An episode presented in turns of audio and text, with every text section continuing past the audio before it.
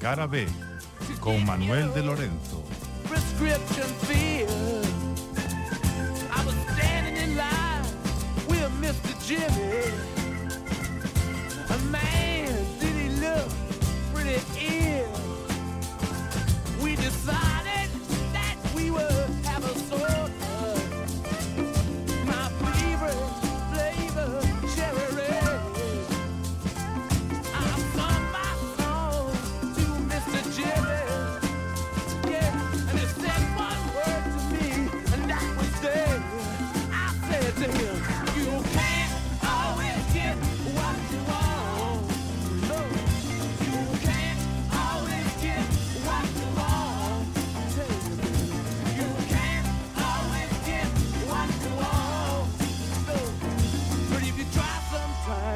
Might find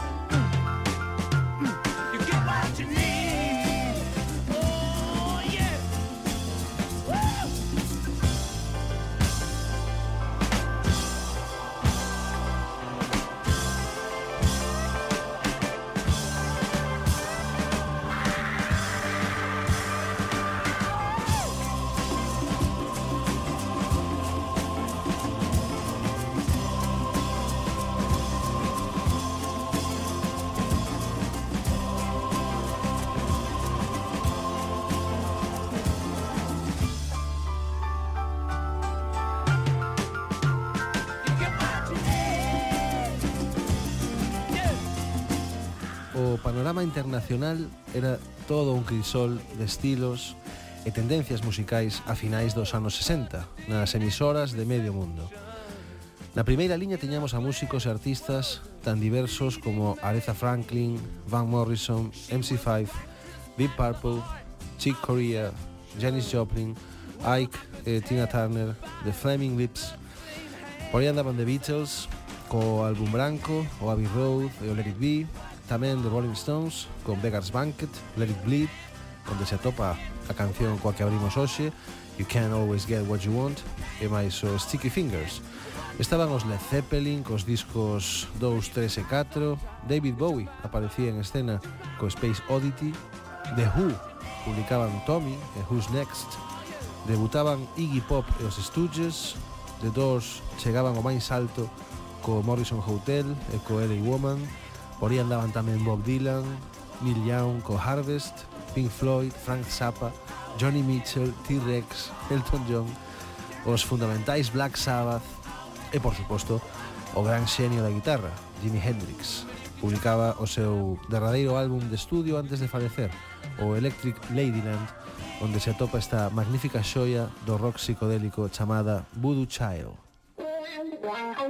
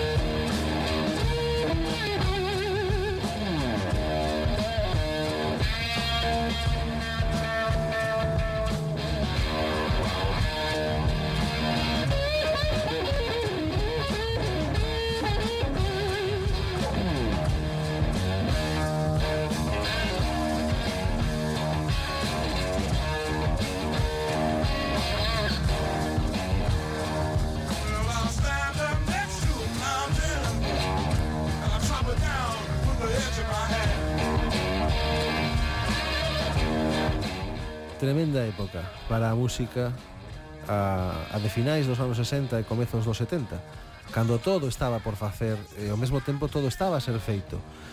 En España, sen embargo, as cousas ían a outro ritmo a finais dos anos 60, a comezos dos 70 con Maciel, Picnic, Richard, Juan Pardo, Karina, Salomé, Fórmula Quinta, Víctor Manuel, Nino Bravo, Julio Iglesias ou Los Diablos ocupando o primeiro posto das listas de vendas. A evolución mm, xa imparable do rock and roll, eh, o seu contaxo a outros estilos, aínda debería agardar uns anos para estenderse tamén por estas latitudes nas que resultaba moi complicado male a coincidir na mesma época atopar exemplos semellantes os de Frank Zappa, Deep Purple, The Who, T-Rex ou Jimi Hendrix.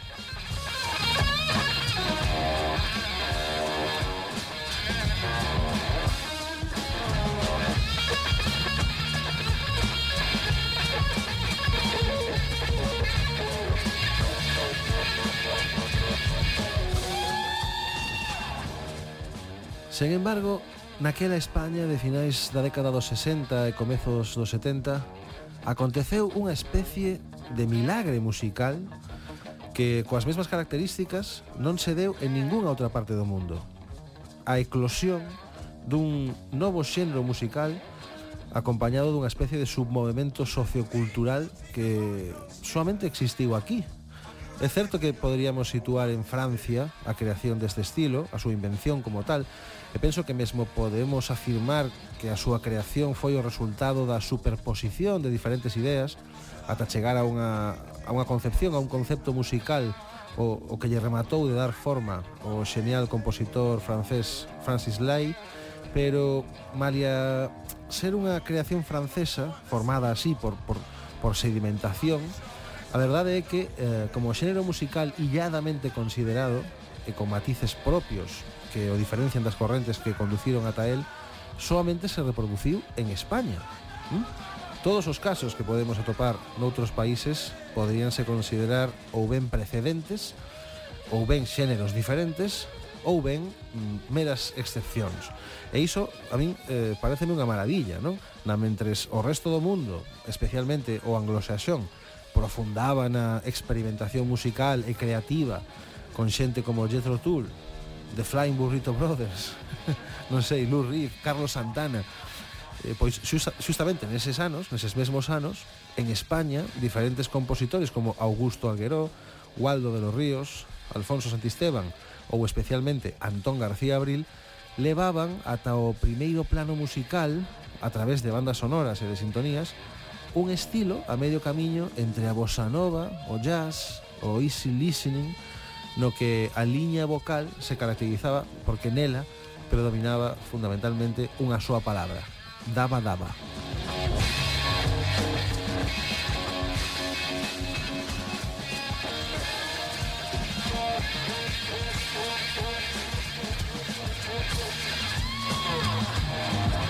E precisamente ese é o nome deste estilo musical e subcultural o que me estou a referir.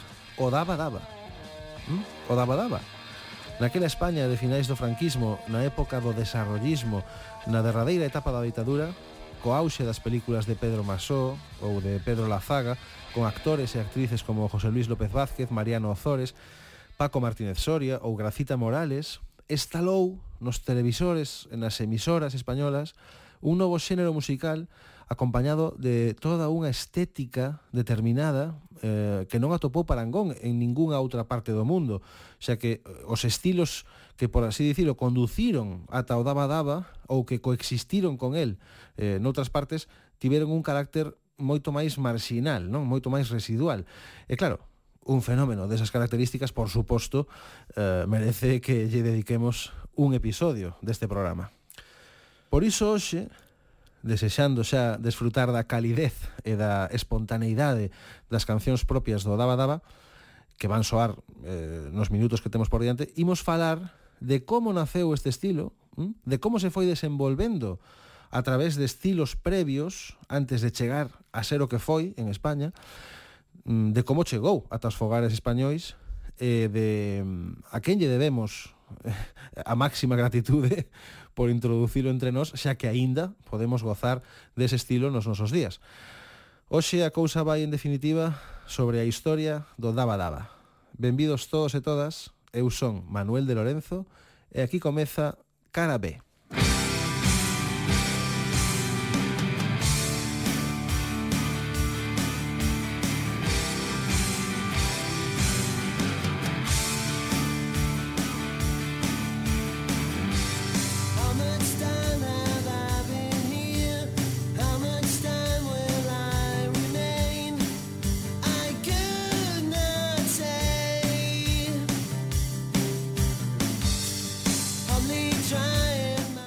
A propia historia do Daba Daba comeza, como non podría ser de outro xeito, coa propia historia da cantaruxada. Non? Porque no fondo, cantar Daba Daba non deixa de ser o mesmo que cantaruxar.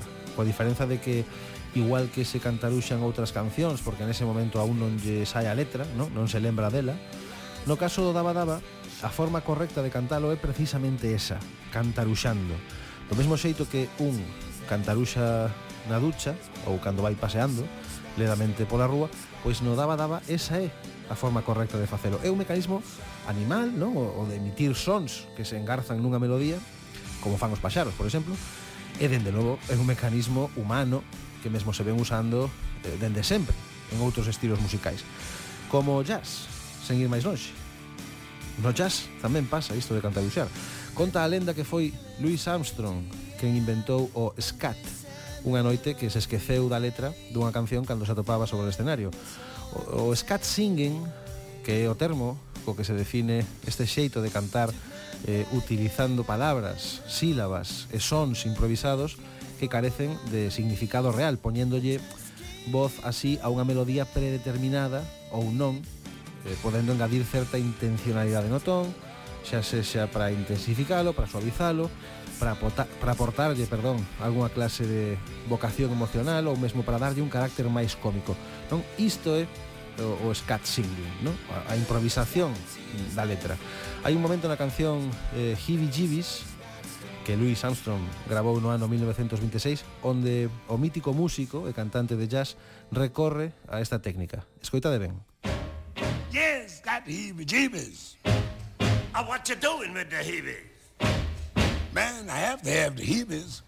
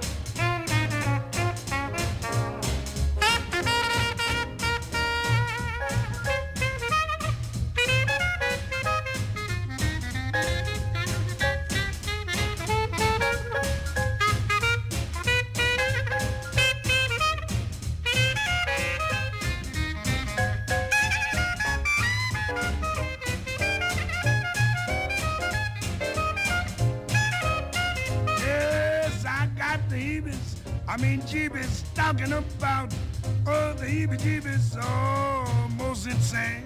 Just over that mellow strain.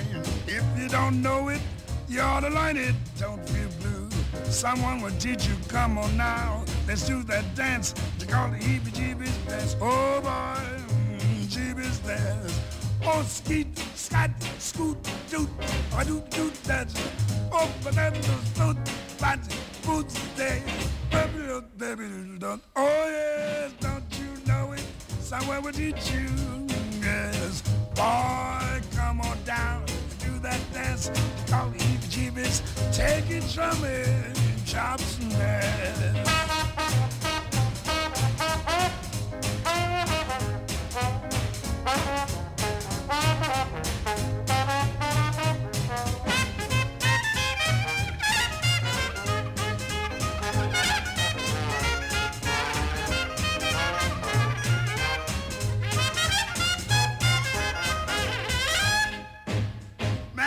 got the heebie-jeebies. I oh, what you doing with the heebies? Man, I got to have the heebies.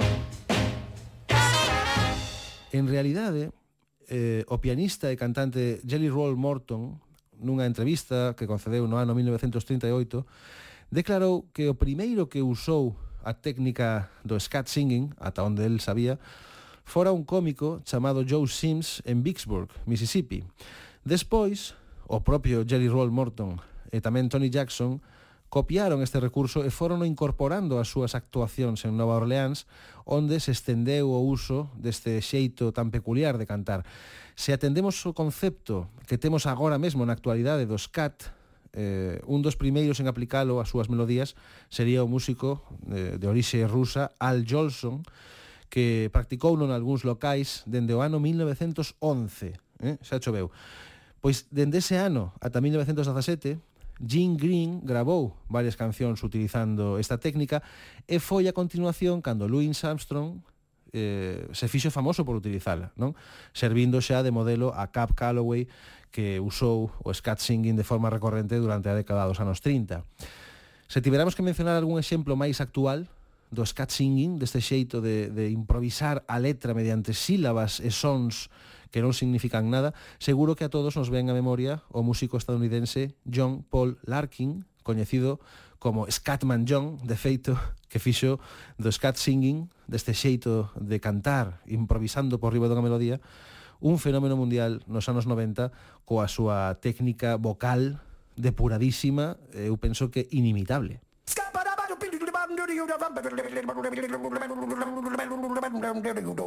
I'm a scat man.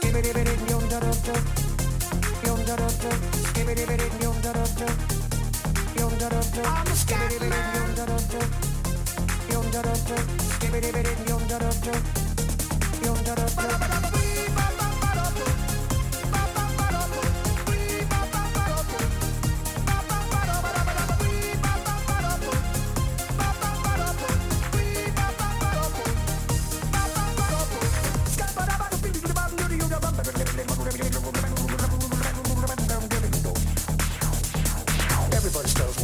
Other, so check out my message to you. As a matter of fact, I don't let nothing hold you back. If the scat man can do it, so can you. Everybody's saying that the scat man stutters but does and never stutter when he sings. But what you don't know, I'm gonna tell you right now that the stutter and the scat is the same thing. Yo, I'm the scat man.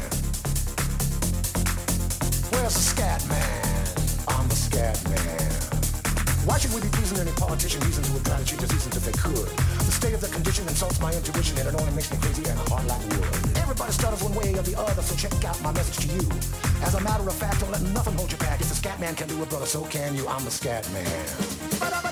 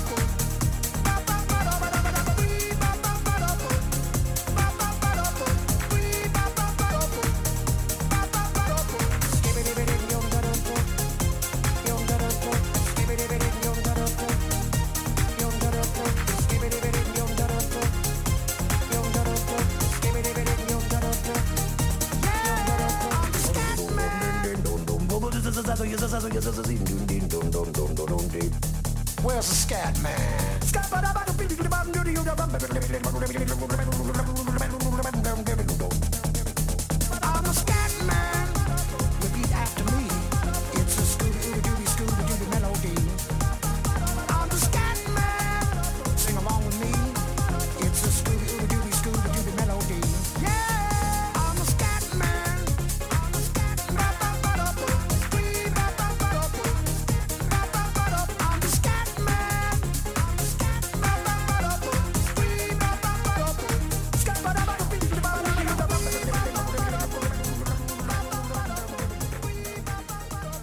ver, todo isto de falar do scat singing ten unha razón de ser, eh? Non vos impacientedes, porque non é aventurado dicir que no fondo o scat singing é a orixe da música da Badaba que podemos escoitar na banda sonora de Sor Citroën, por exemplo. Pero claro, a pregunta logo é como puido evolucionar a cousa ata eh, derivar dende Louis Armstrong, por exemplo, eh, dende esta canción de Hibi Jibis que escoitamos antes ata ese concreto estilo musical que eclosionou en España a finais dos anos 60. Pois, eh, nos inicios desta contaminación estilística atopamos a Ward Lamar Swingle, un fantástico multiinstrumentista de jazz e vocalista estadounidense. El é a orixe de todo isto que aconteceu en España varias décadas despois. Atentos porque a historia promete. Cando este rapaz tiña 24 anos, eh, Ward Lamar Swingle trasladou a súa residencia a Francia. Estamos a falar, eh, perdón, do ano 1951.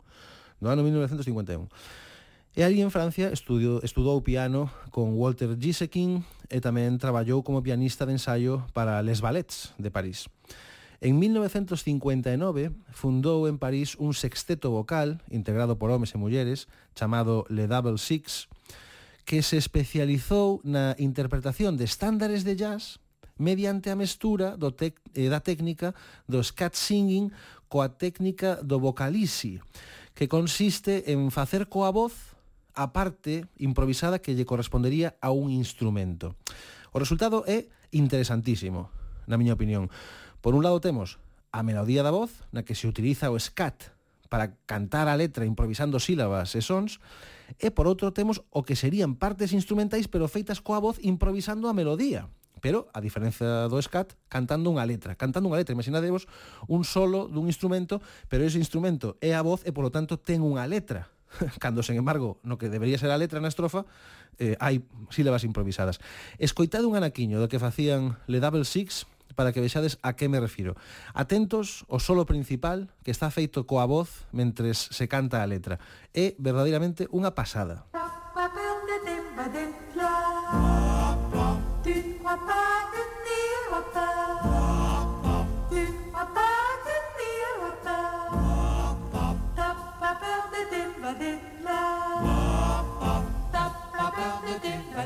la.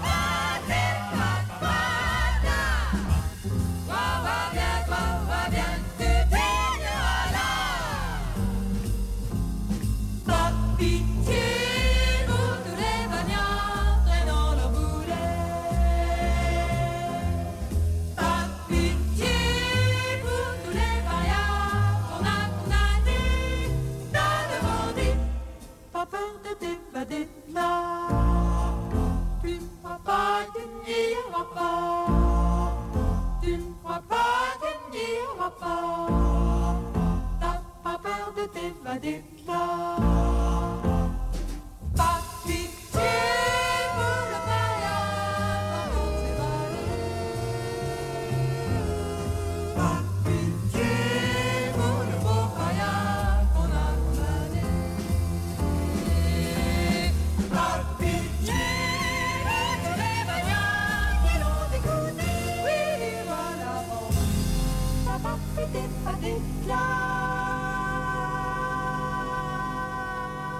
Que maravilla, eh?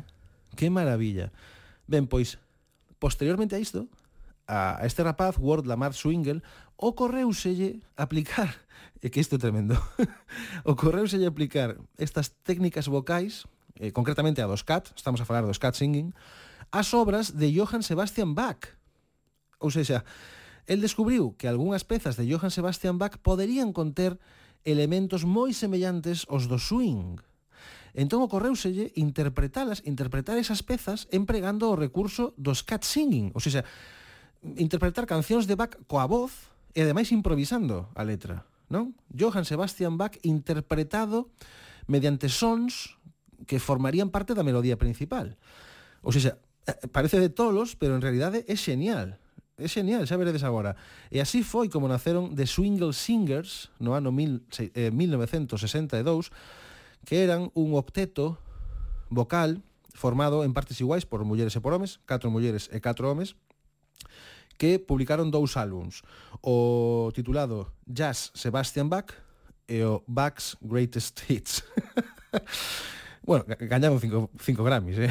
Ou os tipos gañaron cinco Grammys con isto.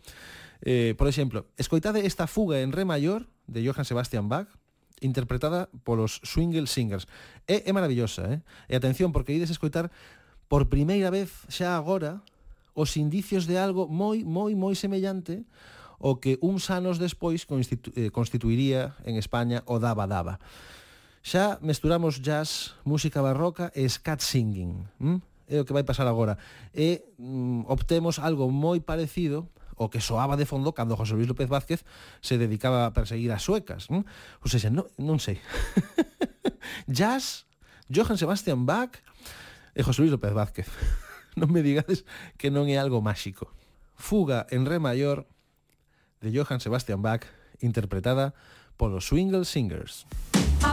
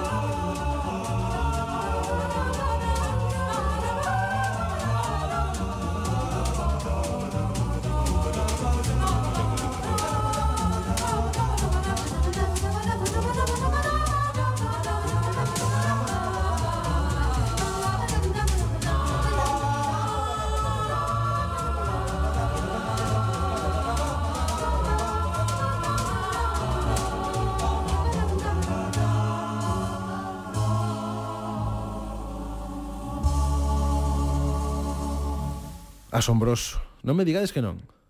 É asombroso, eh? Pero claro, chegamos a un punto no que temos que pensar onde está a unión, onde está o vencello que une isto con compositores como Antón García Abril, non que facía películas para Pedro Masó ou Pedro Lazaga.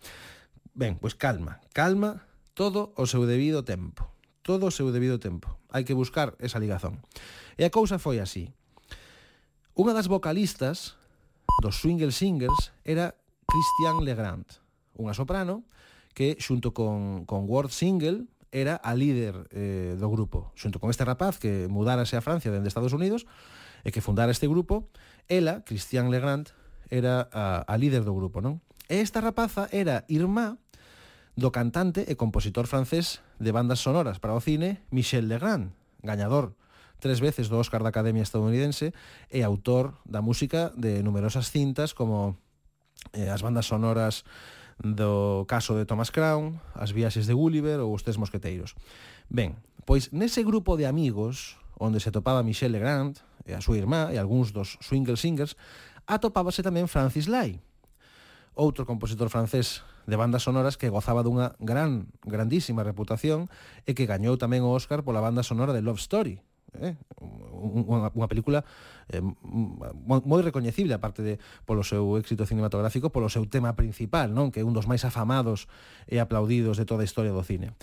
Ben, pois Francis Lay, Francis Lay mm, debutara nisto das longametraxes no ano 1966 compoñendo a música de Un home e unha muller, esta película, esta genial película do director francés Claude Leluc.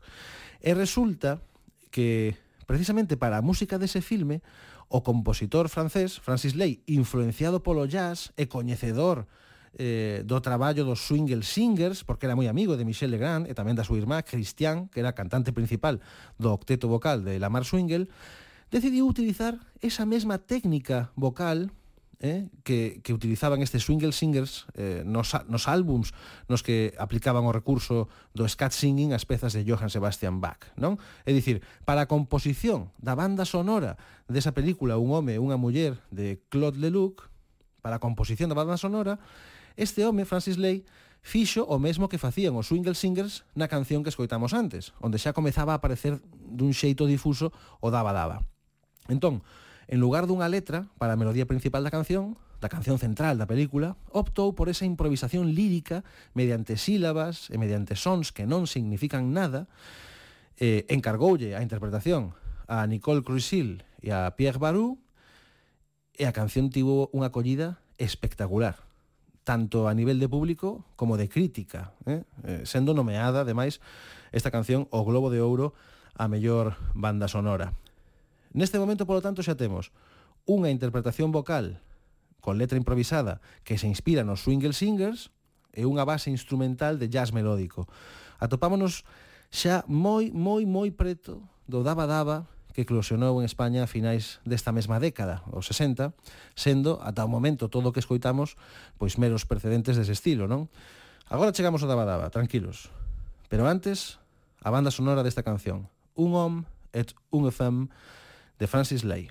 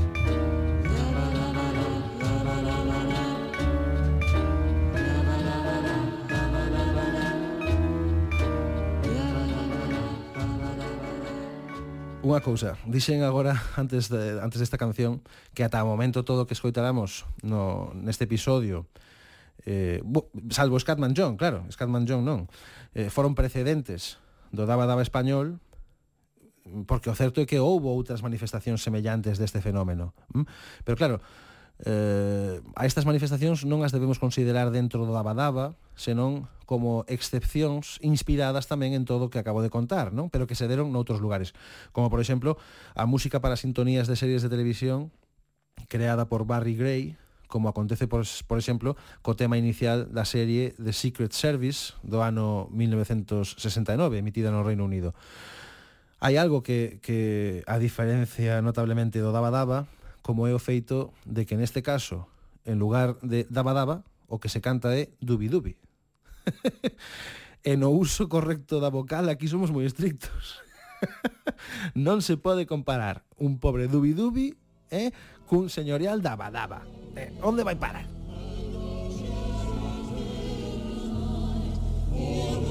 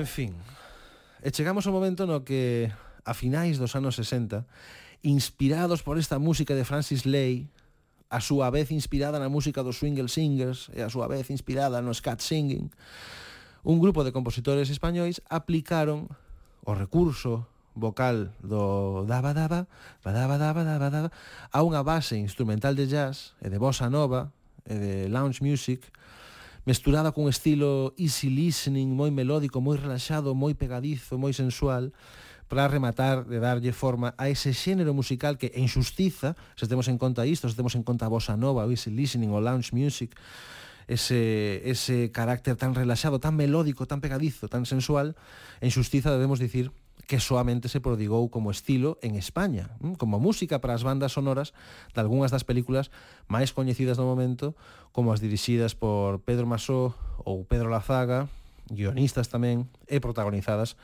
por José Luis López Vázquez, por Saza Tornil, Paco Martínez Soria ou Gracita Morales. Estamos a falar de compositores como Waldo de los Ríos, Augusto Algueró, Alfonso Santisteban, ou, por suposto, o exponente máis notable do Daba Daba, Antón García Abril.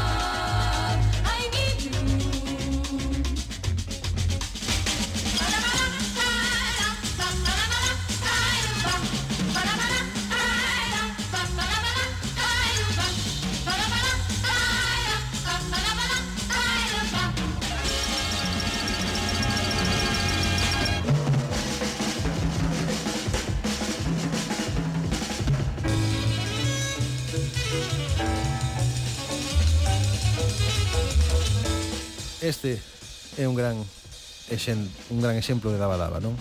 O da película El turismo es un gran invento. O Daba Daba, como dicíamos antes, de todos os xeitos non foi só unha corrente musical.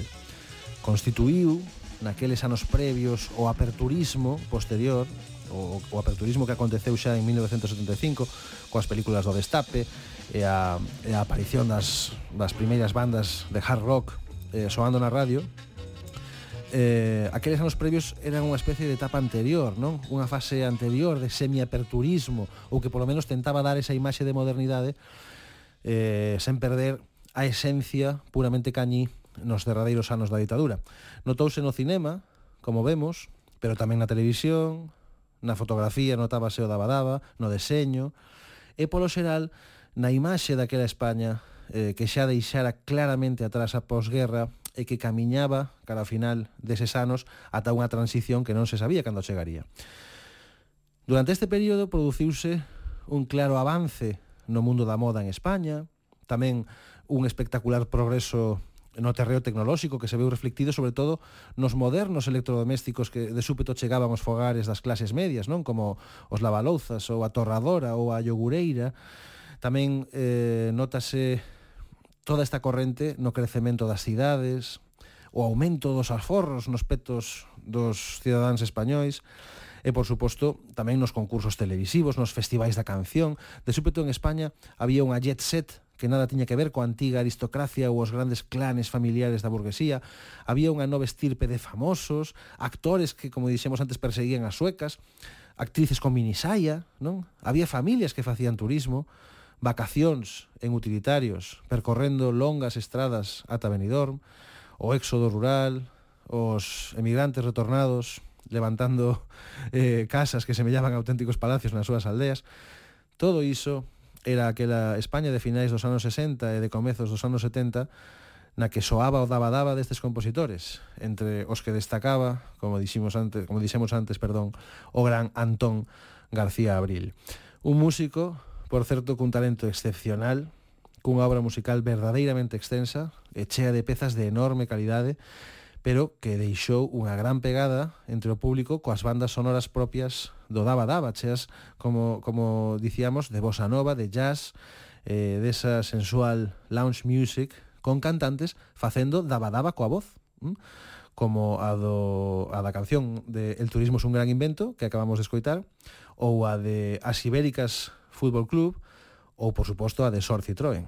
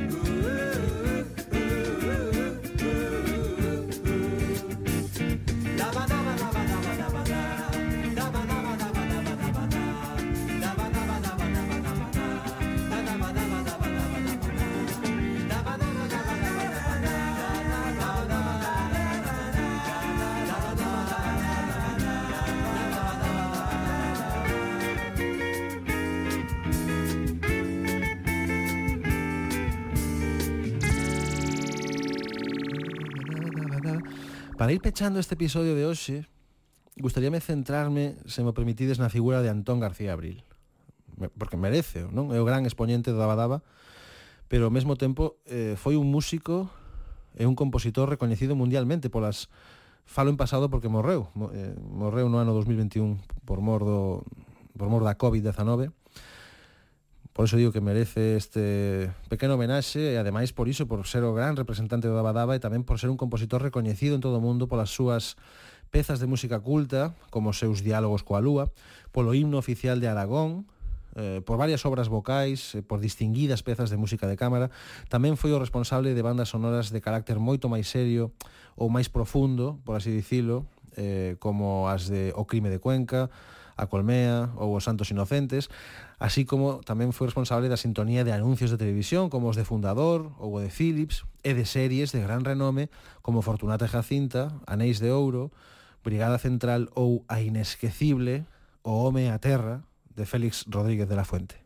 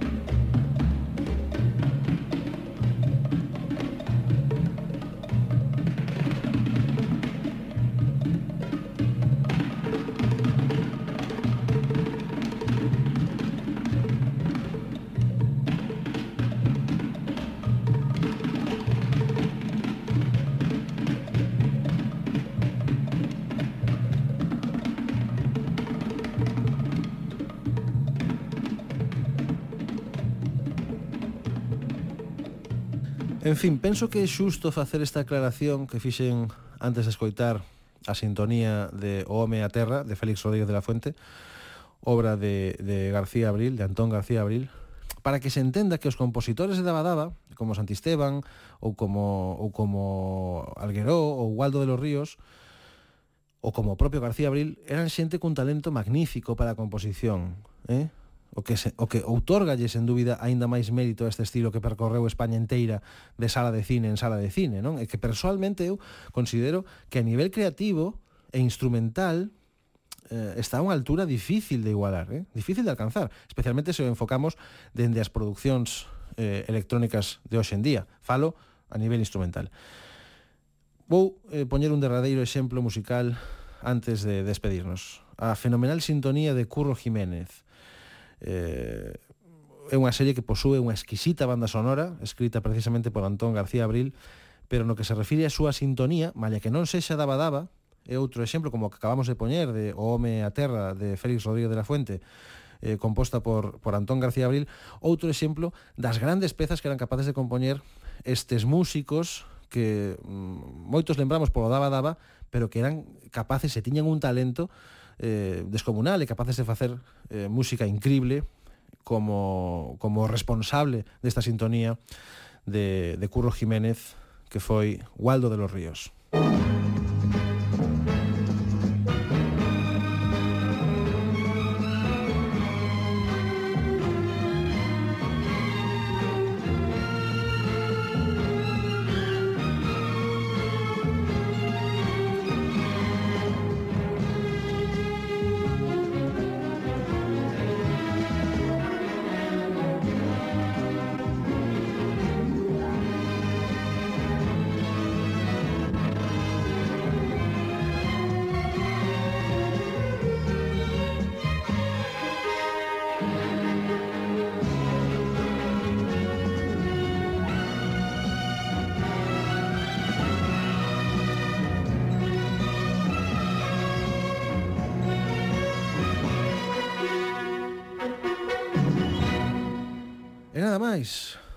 Ata aquí o programa de hoxe. Ata aquí esta historia sobre ese pequeno gran milagre que aconteceu na España de finais dos anos 60 e 70, onde se produciu a eclosión dun estilo único que quería nacer despois do scat Singing, eh, dos Swingle Singers e de Francis Lay, e atopou nas salas de cine da derradeira etapa do franquismo o seu hábitat natural. Agardo que vos gustara tanto como a nós este relato que, como sempre, tentou unha vez máis profundar na parte de atrás da historia da música, na parte menos coñecida, meténdonos un pouco entre bambolinas para entender mellor como se forxan os mitos musicais, non? Para nos foi un auténtico placer traérvolo ata este espazo no que, como xa sabedes, alternanse as boas historias e as grandes cancións. Esperamos por todos vos a vindeira semana noutra entrega de Cara B.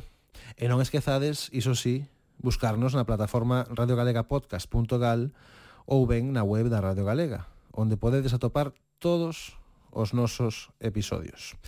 Por se queredes escoitar outras grandes historias e outras grandes cancións, digo, eh? Nada máis. Deica o vindeiro episodio.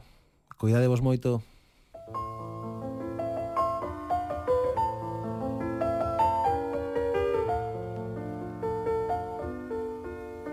Cara B, con Manuel de Lorenzo.